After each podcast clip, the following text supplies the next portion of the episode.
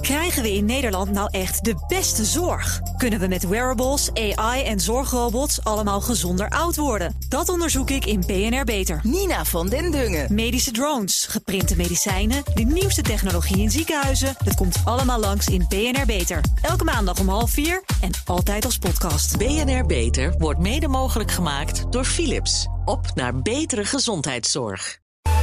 BNR Beter wordt mede mogelijk gemaakt door Novo Nordisk. BNR Nieuwsradio. BNR Beter. Harmke Pijpers. Steeds meer mensen in Nederland krijgen kanker en gelukkig overleven ook steeds meer mensen deze ziekte. Maar hoe zorg je dat je na de operaties en de chemokuren snel weer fit bent? Welkom bij BNR Beter, het programma voor mensen die werken aan gezondheid. Bij mij in de studio Martijn Stuiver, lector functioneel herstel bij kanker en fysiotherapeut. En Peter Smeets, voorzitter van de stichting Tegenkracht. Welkom alle twee. Ik begin met u, meneer Stuiver. U bent benoemd tot bijzonder lector aan de Hogeschool van Amsterdam met als lectoraat functioneel herstel bij kanker. U bent de eerste met deze leerstoel. Maar eh, het was nodig? Klaarblijkelijk, ja. Nou, klaarblijkelijk. U heeft er toch zelf de hand in gehad, begreep zeker, ik? Zeker, ja. Nee, u gaf het zelf al aan, eh, steeds meer mensen overleven kanker. Uh, mensen moeten daarvoor behandelingen ondergaan. Die behandelingen zijn zwaar. Die trekken een wissel op hoe mensen functioneren. Uh, die mensen moeten herstellen daarvan. Um, en ja, met dat er meer mensen kanker overleven, komen er steeds meer mensen die een beroep doen op zorg. En wordt ja. het dus steeds belangrijker dat we evidence-based uh, goede nazorg leveren aan die, uh, aan die groep. Ja, en hoe ziet u dat, meneer Smeets? Want uh, bent u blij dat hiervoor eindelijk wat meer wetenschappelijke aandacht komt? Het, het, het druppelt. Ja. Het is vergeleken met tien, tien, ja. tien, jaar geleden was het, was het niet bespreekbaar, was het ondenkbaar dat je bewegen en kankerdiagnose met elkaar zou verbinden. Mm -hmm. in de loop der jaren is heel veel verbeterd. En uh, dit, is een, dit is een hele goede en een hele positieve ontwikkeling. Ja, want, want u bent er al veel langer mee bezig, hè? Onze stichting is in 2006 opgericht door een uh, voormalige kankerpatiënt... die het overigens helaas zelf niet heeft overleefd... maar wel gedachten had bij actief revalideren... en daar mm -hmm. groot voorstander van was. En dacht, ja, daar moet ik iets mee. Ja. Uh, vanuit de oncologie was daar amper uh, handen voor op elkaar uh, te krijgen. Maar hij zette door. Hij heeft deze stichting opgericht met als, als doelstelling om mensen die kanker hebben het actief revalideren mogelijk te maken. Ja, want tien jaar geleden, hoe dacht men er dan toen over? Van dat je maar vooral stil moest blijven zitten en heel voorzichtig zijn met jezelf? Ga naar huis, ga op de bank zitten, er gaan vreselijke dingen gebeuren. Oh ja. Ja, ja. Nou, tien jaar geleden, denk ik, zat er al enige kentering in. Maar twintig ja. jaar geleden was dat zeker de boodschap. Ja. ja. Wat is nou precies wat u, wat u gaat onderzoeken, meneer Stuiver? Um, nou, dat zijn. Um, ik ga dezelfde dingen onderzoeken die we eigenlijk al aan het onderzoeken zijn in het Antonie van Leeuwenhoek ziekenhuis. Um, dat zijn eigenlijk vier hoofdthema's. Het belangrijkste is welke interventies hebben we nou eigenlijk en welke daarvan zijn effectief. Ja. En daarbij moeten we bedenken dat we weten van een bepaalde type interventies, bijvoorbeeld beweeginterventies, dat ze heel effectief kunnen zijn. We ja. weten ook hoe we in die beweeginterventies kunnen variëren, aan welke knoppen we kunnen draaien, zou je kunnen zeggen. Maar hoe die knoppen nou precies moeten staan voor een individuele patiënt met een specifiek probleem of uh, in een specifieke klinische omstandigheid, dat weten we eigenlijk nog niet zo goed. Dus we willen vooral kijken naar hoe kunnen we dat beter personaliseren. Ja. Een ander ding is, um, uh, je kunt natuurlijk kijken naar interventies vanuit de fysiotherapie. Dat is mijn eigen achtergrond, dus daar ligt mijn eerste focus. Ja. Uh, maar er zijn natuurlijk nog veel meer belangrijke hulpverleners betrokken bij de nazorg voor kanker. Denk aan ergotherapeuten, denk aan diëtisten, denk uiteraard aan psychosociale zorg. Daar zal ik me niet zo op richten. Mm -hmm. uh, maar ergotherapie en diëtetiek uh, en beweegzorg, dat kun je eigenlijk niet loszien van elkaar. En dan is ook de vraag: hoe kunnen die zorgverleners elkaar nou het beste ondersteunen? Moet dat intensief samenwerken? Of is dat voldoende als uh, ieder hun, hun beste beentje voorzet en komt het dan vanzelf wel goed? Nou, dat is ook iets waar we naar willen kijken. Um, dan is er nog de vraag, wat, is, wat zijn de belangrijkste hulpvragen? Waar hebben mm. mensen hulp bij nodig? Um, heel veel mensen ervaren klachten, maar niet iedereen heeft daarbij een hulpvraag. Sommige mensen die lossen het zelf op, sommige ja. mensen hebben helemaal geen behoefte aan zorg.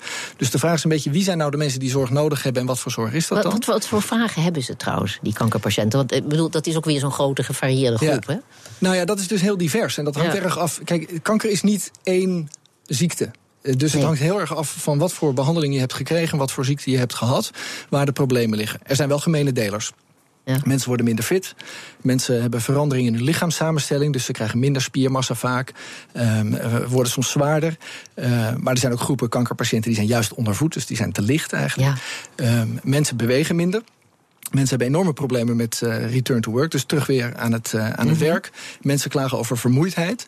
Um, en nou ja, die combinatie van dingen, dat brengt allerlei functionele problemen met zich mee van het weer functioneren in het dagelijks bestaan. Ja. Meneer Smeets, dat zei wel, u bent van de Stichting Tegenkracht. Hè? U biedt kankerpatiënten sportbegeleiding op maat. Uh, want sport is belangrijk hè? als je kanker hebt overleefd. Ja, dat bleek al uit het verhaal uh, van meneer Stuiver. Maar uh, precies waarom? Wat is de behoefte van die patiënten? En hun ervaring. Nou, wat, wat Martijn net zei, de, de, de onzekerheid die men heeft over zijn, zijn gesteldheid, letterlijk. Ja. Um, opgeteld bij de, de, de mentale onzekerheid die men heeft, concentratieverlies wat men heeft, uh, het risico op sociaal isolement. Ja. Dat is wat je met sporten in feite weet te voorkomen. Dus je hebt een vulling in je agenda, je bent bezig, je bent bezig onder begeleiding. Als je een, een, een tegenkrachtprogramma doet, word je individueel begeleid. Ja. Um, we kijken ook individueel naar wat je aan kunt. Dus dat, dat individuele aspect wat Martijn net uh, aanhaalde, dat geldt bij ons zeker. Iedere deelnemer wordt bij ons gekeurd door een sportarts. Ja. Een, een uh, erkende sportarts. En die gaat kijken naar de belastbaarheid van iemand. Ja. En dan tellen we eigenlijk bij elkaar op wat kan iemand met wat wil iemand? Wat voor sport wil die doen? Hoe wil die in feite revalideren? En dat is iets wat je in je eentje moeilijk voor elkaar krijgt, want je weet niet wat je van jezelf kan eisen. Dat blijkt. Dat is nou verstandig, hè? Dat blijkt. Dus die, die hulp die wij aanbieden door inderdaad die agendavulling te krijgen, maak die afspraak voor je volgende begeleidingstermijn met je personal coach of, of personal trainer of op je sportschool. Ja, dat blijkt een hele positieve stok achter de deur te zijn, waar mensen veel steun uithalen. Ja, en uh, uw stichting uh, bestaat nu zo'n tien jaar. Wat is uw uiteindelijke doel? Nou, we hebben ooit gezegd, wij willen uh, ergens in 2020 ervoor zorgen dat uh, kankerrevalidatie door middel van beweeg- en sportprogramma's in het basiszorgpakket komt van de verzekeraars. Ja, en is dat nog een lange weg te gaan? Daar is nog een hele weg te gaan. en 2020 wordt best een uitdaging. Ja, want hoeveel patiënten hebben nu toegang tot die nazorg? Als je naar ons, onze populatie kijkt, kijk, per jaar komen er 108.000, net, net cijfers bekend geworden, 108.000 nieuwe diagnoses afgelopen jaar geweest. Ja. En wij doen een druppel op die gloeiende plaats, want wij doen op een jaarbasis tussen de 3 en 400 mensen. Ja, dat is niet veel. Dat is eh, percentueel gezien heel weinig. Ja. En, en, en weten patiënten, weten die u om inmiddels te vinden? Wij hebben het heel erg veel van mond-tot-mond reclame. Maar wat ook voor ons een hele actieve ontwikkelingsrichting is, is die via het bedrijfsleven. Dus werkgevers die zich garant stellen voor de kosten van het begeleidingsprogramma. En wellicht komen we daar straks nog over te praten. Want daar is een, uh, is een absoluut rationeel verhaal te geven wat een investering uh, rechtvaardigt. Ja, ja. Meneer Stuiver, hoe wordt er nu vanuit het ziekenhuis gereageerd? Wordt het belang ingezien van die nazorg? Absoluut. Ja? Um, de, dat betekent alleen nog niet dat die nazorg ook automatisch bij elke patiënt terechtkomt. En mhm. dat is geen kwestie van onwil. Uh, ik denk dat uh, om te illustreren hoe belangrijk het gevonden wordt, het Antonie van Leeuwenhoek ziekenhuis bouwt nu een heel nazorgcentrum, expertisecentrum voor ontwikkeling van nazorg en revalidatie. Ja. Eh, we willen daar uh, nieuwe zorg ontwikkelen, maar we willen daar ook onderzoek aan doen. Om aan te tonen hoe effectief het kan zijn. En ook helpen om dat uit te dragen, zodat het op andere plekken kan worden aangeboden. Ja. Um, maar dat is op een soort overstijgend niveau. Vindt iedereen het belangrijk? Um, een probleem is waarom veel patiënten. Um, niet op tijd of op de juiste uh, plek terechtkomen uh, bij een zorgverlener voor mhm. nazorg of voor ondersteunende zorg, is dat patiënten vaak niet weten wat er allemaal in, het, uh, in de aanbieding is. En dat dokters vaak niet de tijd hebben of niet het bewustzijn hebben in de spreekkamer om dat ter sprake te brengen. En patiënten vragen dat ook niet aan de dokter, want die zitten daar met hele andere dingen als uh, ga ik dood of um, krijg ik pijn? Of hoe, ja, dat wil je dan eerst wel even weten. Ja. Dat staat voor ze voorop. En dat, dat, dat denken over herstel en dat denken over hoe doorsta ik deze behandeling. Ja. Dat komt vaak pas later. En wat je ziet is dat eigenlijk de mensen die daar het meest actief naar vragen, um, dat zijn eigenlijk de mensen misschien die het nog wel het minst nodig hebben. Want dat mhm. zijn mensen die al heel actief en gezond en uh, bewust nadenken over wat ze kunnen doen om overeind te blijven. Ja, maar goed, dan hebben we het over mensen die dus uit het ziekenhuis ontslagen zijn, maar tijdens de periode in het ziekenhuis. Ja, nou, het is beide heel belangrijk. Ja, is, maar is er dan al, een, een, zeg maar, wordt er al gedacht aan bewegen? Jazeker, ja. ja. Ja, bewegen tijdens de opname is sowieso heel belangrijk. En dat weten we al jaren. Dat staat de laatste twee jaar extra in de, in de belangstelling. Je leest er in de media ook regelmatig dingen over terug. Ja. maar heel nieuw is het niet. Alleen de aandacht ervoor is denk ik nieuw. Um, maar je moet ook denken aan bijvoorbeeld uh, mensen die niet opgenomen zijn in het ziekenhuis, maar wel midden in hun behandeling zitten. Denk aan chemotherapie. Uh, we hebben uh, recent een onderzoek gedaan in het Antonie van Leeuwenhoek... waarbij we uh, hebben gekeken wat is nou het effect van een begeleid beweegprogramma... door een geschoolde fysiotherapeut op het doorstaan van de chemotherapie. Ja, ja. Hebben mensen minder klachten? Uh, maken ze uh, de chemotherapie beter af? Zijn ze sneller weer aan het werk? Nou, het antwoord op al die vragen is ja. Dus wat je ziet is dat als je zo'n goed begeleid beweegprogramma aanbiedt... Uh, mensen veel beter de behandeling doorstaan. Maar dat heeft gewoon te maken... Ja, het is natuurlijk ook een mentale kwestie... maar ook gewoon het pure feit dat je minder spiermassa verliest. Ja, precies dat je je reserves ja. niet kwijtraakt. Ja. ja, ja. en wat er helemaal precies de werkingsmechanismen zijn... dat is eerlijk gezegd een beetje onduidelijk. En mm -hmm. dat is een van de dingen waar we heel graag meer over willen weten. Ja. maar het is heel zeker zo dat mensen um, tijdens de behandeling veel spiermassa verliezen... door allerlei ja. processen die daar gaande zijn als gevolg van de ziekte... als gevolg van de behandeling en als gevolg van gedrag... waar inactiviteit en slecht eten twee hele belangrijke van zijn. En daar moet je dus echt actief op ondersteunen. Ja. Zeg, en hoe is de samenwerking tussen de eerste en de tweede lijn? Die is um, in grote lijnen denk ik heel goed. We hebben in Nederland een, uh, een goede, sterke eerste lijn. En wat, we, uh, wat je ziet is dat in de fysiotherapie bijvoorbeeld... Uh, is een specialisatie oncologie-fysiotherapie. Um, we weten in de psychosociale zorg... Daar, daar is een register voor psychosociale zorgverleners... die kennis hebben van oncologie. En het is ook helemaal niet wenselijk om alle patiënten in de tweede lijn te houden. Dus er, dat, dat kan ook helemaal niet, organisatorisch ook niet. Dus er moet verwezen worden. Ja. Um, de basishouding is heel positief. Maar we merken dat het heel moeilijk is voor zorgverleners in de tweede lijn om de patiënt op de juiste plek in de eerste lijn te krijgen. En um, ja, daar worden nu heel veel uh, initiatieven voor ontplooid, waaronder uh, het, uh, de verwijsgids kanker van het IKNL. Um, en wij hebben bijvoorbeeld zelf Onconet, een website waarop mensen deskundige fysiotherapeuten kunnen vinden. Oké. Dat de nazorg bij kanker belangrijk is, is duidelijk. Maar wat levert een snellere revalidatie eigenlijk op? Hoort u meer over. Na de reclame. BNR Nieuwsradio. BNR Beter. De behandeling van kanker is vaak duur, maar de nazorg hoeft dat helemaal niet te zijn. Sterker nog, goede nazorg bespaart juist kosten. Hierover praat ik verder met mijn gasten Martijn Stuiver, lector functioneel herstel bij kanker en fysiotherapeut, en Peter Smeets, voorzitter van de stichting Tegenkracht. Ja, zoals met alles in de zorg zijn de kosten altijd onderwerp van discussie. Hoeveel kost een gemiddeld traject bij u, meneer Smeets? En wat houdt dat ongeveer in? Wat hebben we daarvoor? Wij hanteren een bandbreedte van 12 tot 1800 euro voor een begeleidingsprogramma. En daar zit dan in alle kosten die we voor de sportarts maken voor de keuring. En het actieve begeleidingstraject. En eventueel ook een stuk uh, oncologische fysiotherapie.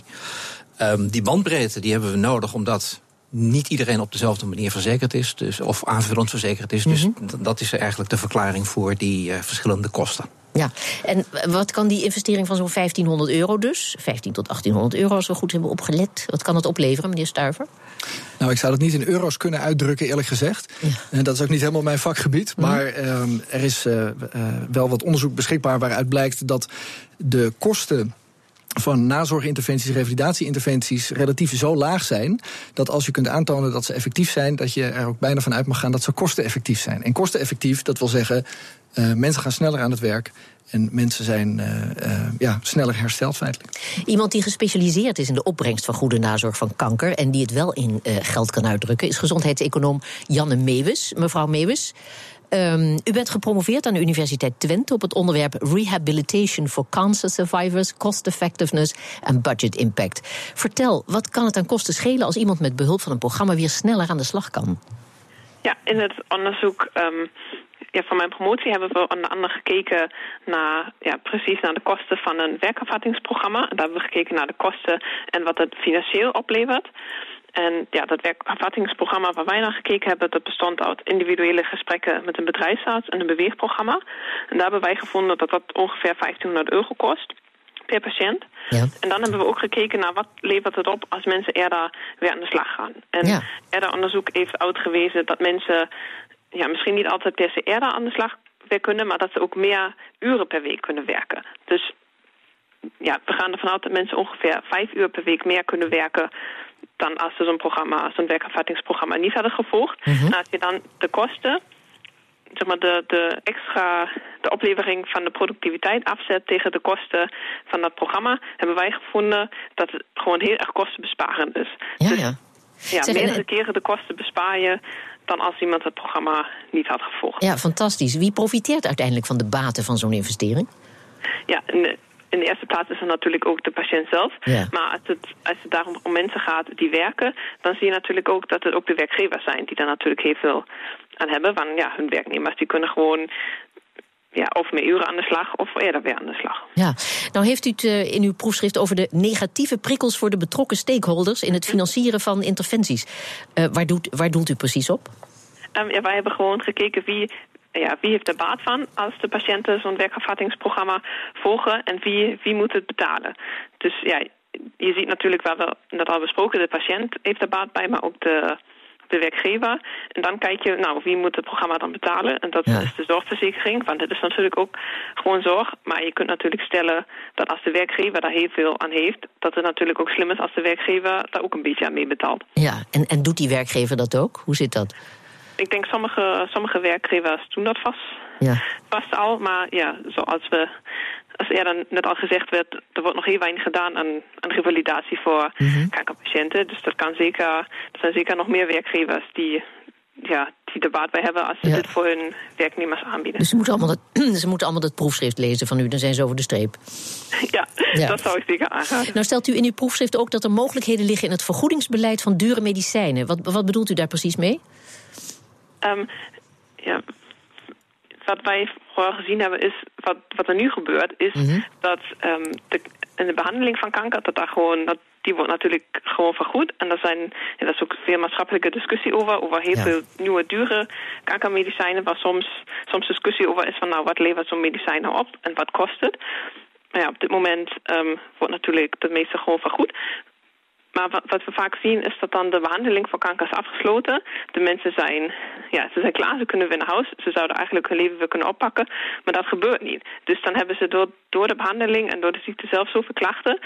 dat, wel de behele, dat wel de hele behandeling vergoed werd. Maar ja, dan staan ze daar en kunnen nog niet weer zoals vroeger. Maar daar, ja, daar staan geen geld meer voor om de, om de revalidatie nog te betalen. Ja, maar wilt u suggereren dat er minder geld naar die dure medicijnen moet?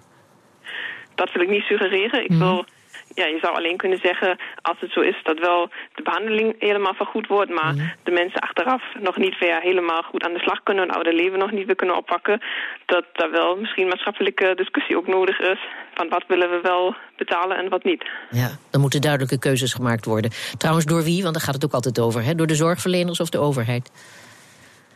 Door de overheid. En ja, het is een maatschappelijke discussie die uiteindelijk waarschijnlijk door de, door de overheid dan opgelost moet worden. Maar ja, met z'n allen moet je eruit komen van ja, wat willen we betalen en wat willen we niet betalen. Goed.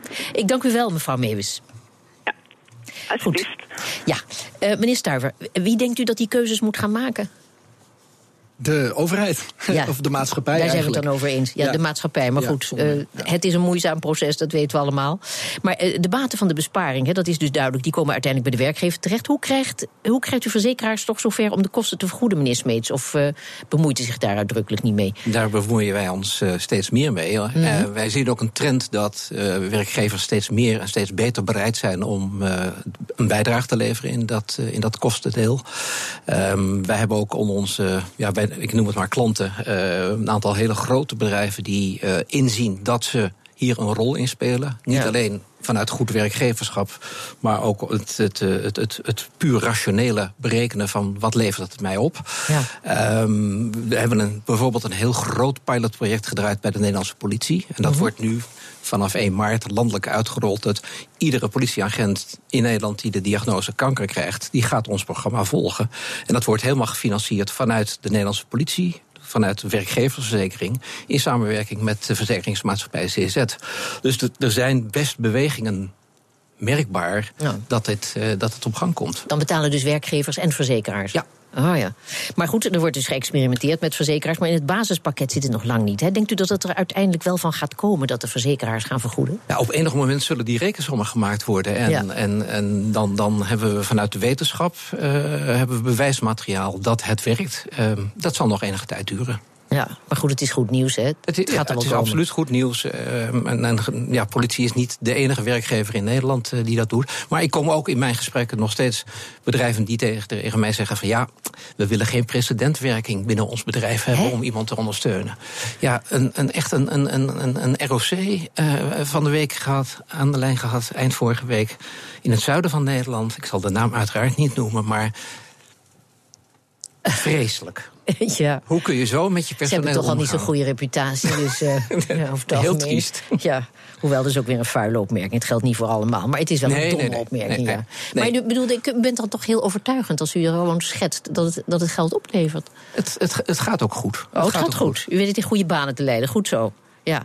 En zoals mevrouw Meeuwis suggereert, het aanspreken van andere potjes, zoals die van de dure medicijnen, is dat wat u betreft een optie? Of wenst u, daar buiten te blijven, buiten die discussie? Dat lijkt me een discussie waar ik eh, inhoudelijk geen, eh, geen bijdrage op zal leveren. Ja. Nee, hoewel, even- als ik daar even op mag Mhm. inhaken.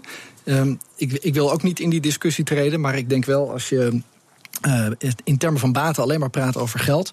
Dat is wel een hele eh, nauwe manier om te kijken naar de baten van revalidatie en nazorg. En eh, de kosten die het programma van meneer Smeets.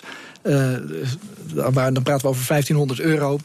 Een trainingsprogramma tijdens chemotherapie, dan heb je het over 750 euro. Dat valt zo in het niet bij de kosten van de medische behandeling. Dat je je Ja. kunt afvragen als we zoveel geld besteden aan het wegkrijgen van de kanker. maar we maken mensen daarmee feitelijk heel ziek.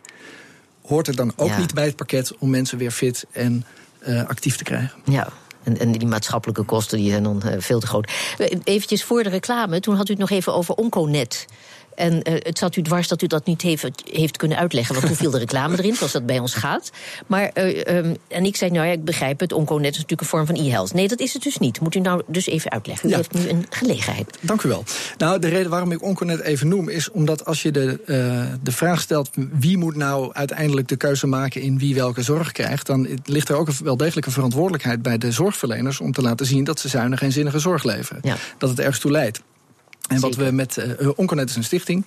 Wat we met Onconet proberen te doen, is eh, inzichtelijk maken welke fysiotherapeuten goede zorg leveren voor patiënten die fit willen blijven of weer fit willen worden. En we proberen ook een actieve bijdrage aan te leveren door die fysiotherapeuten continu te scholen. En wij zijn zeker niet het enige initiatief wat op dit gebied gebeurt. Ik noemde al even het register van de psychosociale zorg. Ja. Ehm, ik denk dat het heel goed is om te zien dat er binnen de ondersteunende zorg heel veel van dit soort initiatieven zijn. En de vraag is een beetje of nu beleidsmakers dat gaan oppikken. En ook gaan zeggen: oké, als we kennelijk kunnen aanwijzen wat, hoe goede zorg er dan uitziet, of hoe dat is georganiseerd, ja, dan moeten wij van onze kant ook iets doen om dat eh, toegankelijk te maken voor patiënten. Ja, en, en dat het vooral ook wat breder getrokken moet worden. Dat het dus niet alleen gaat om bewegen, maar ook gezond eten, psychische hulp. eh, het moet een totaalpakket worden. Zeker. Ja. Ehm, kanker wordt steeds meer een chronische ziekte, dat zei we al. Kunnen we nog zonder die extra ondersteuning? Zonder de extra ondersteuning van de, eh, de nazorg en de Ja, ja. revalidatie? Nee, dat denk ik beslist niet.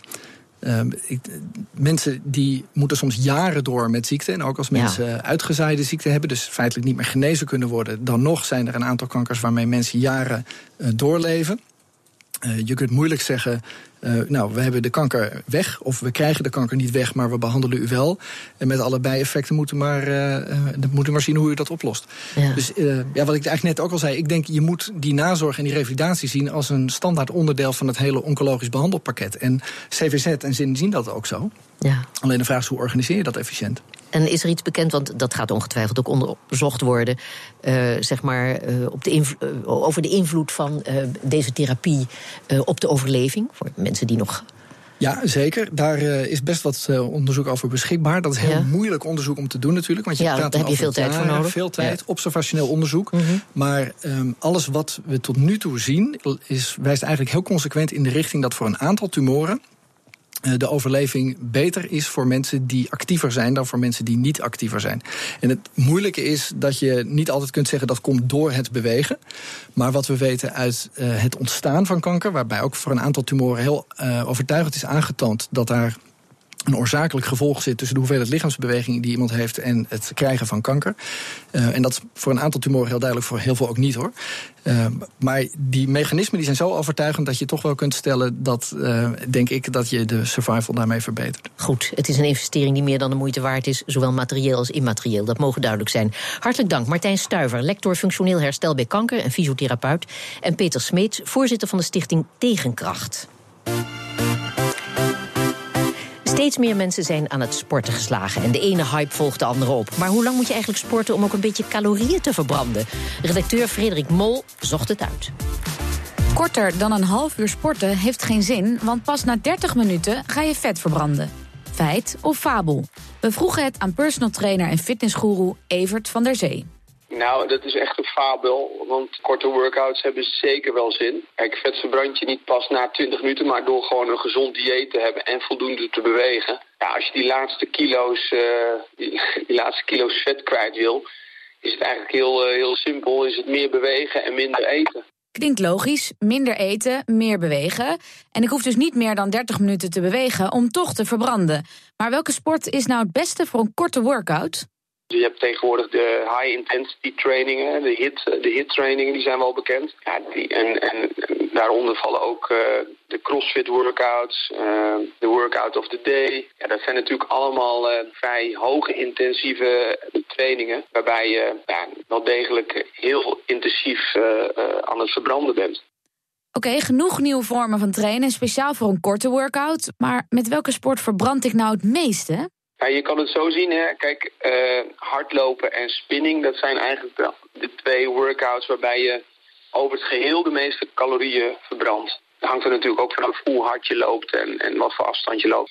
En, en dat geldt hetzelfde voor een spinningles die je volgt als je daar maar 10 minuten op de fiets zit of je zit echt een uur op de fiets. Dat maakt natuurlijk wel degelijk uit voor de verbranding. Maar je merkt natuurlijk wel op het moment dat je een korte intensieve workout doet van 20 of 30 minuten, dat dat echt wel zoden aan de dijk zet. Oké, een korte workout zet dus ook zoden aan de dijk. Maar ja, als ik meer verbrand met hardlopen of spinnen, kan ik toch beter dat een uur gaan doen? Kijk, als je een, een uur gaat hardlopen op uh, 9 of 10 kilometer per uur, daar belast je eigenlijk, wij noemen dat enkelzijdig, een, een, beetje een globale, globale spier mee. Maar op het moment dat je een 20 tot 30 minuten een crossfit workout doet, is de intensiteit ook wel heel hoog. Maar belast je veel meer andere spieren daarmee dan, dan hardlopen. Dus die, ja, ik zou persoonlijk kiezen dan liever voor zo'n crossfit workout dan voor een uur hardlopen. Kortom, ook in een korte workout verbrand je genoeg calorieën. Dus kies gewoon voor hetgene wat jij het leukst vindt. Tot zover deze uitzending van BNR Beter. Op bnr.nl slash beter is deze uitzending terug te luisteren. En we zijn ook op Twitter te vinden onder BNR Lifestyle. Dus heeft u tips voor ons? Laat het ons weten. Ik ben Harmke Pijpers, nog steeds. Tot een volgend spreekuur. BNR Beter wordt mede mogelijk gemaakt door Novo Nordisk. Krijgen we in Nederland nou echt de beste zorg? Kunnen we met wearables, AI en zorgrobots allemaal gezonder oud worden? Dat onderzoek ik in BNR Beter. Nina van den Dungen. Medische drones, geprinte medicijnen, de nieuwste technologie in ziekenhuizen. Dat komt allemaal langs in BNR Beter. Elke maandag om half vier en altijd als podcast. BNR Beter wordt mede mogelijk gemaakt door Philips. Op naar betere gezondheidszorg.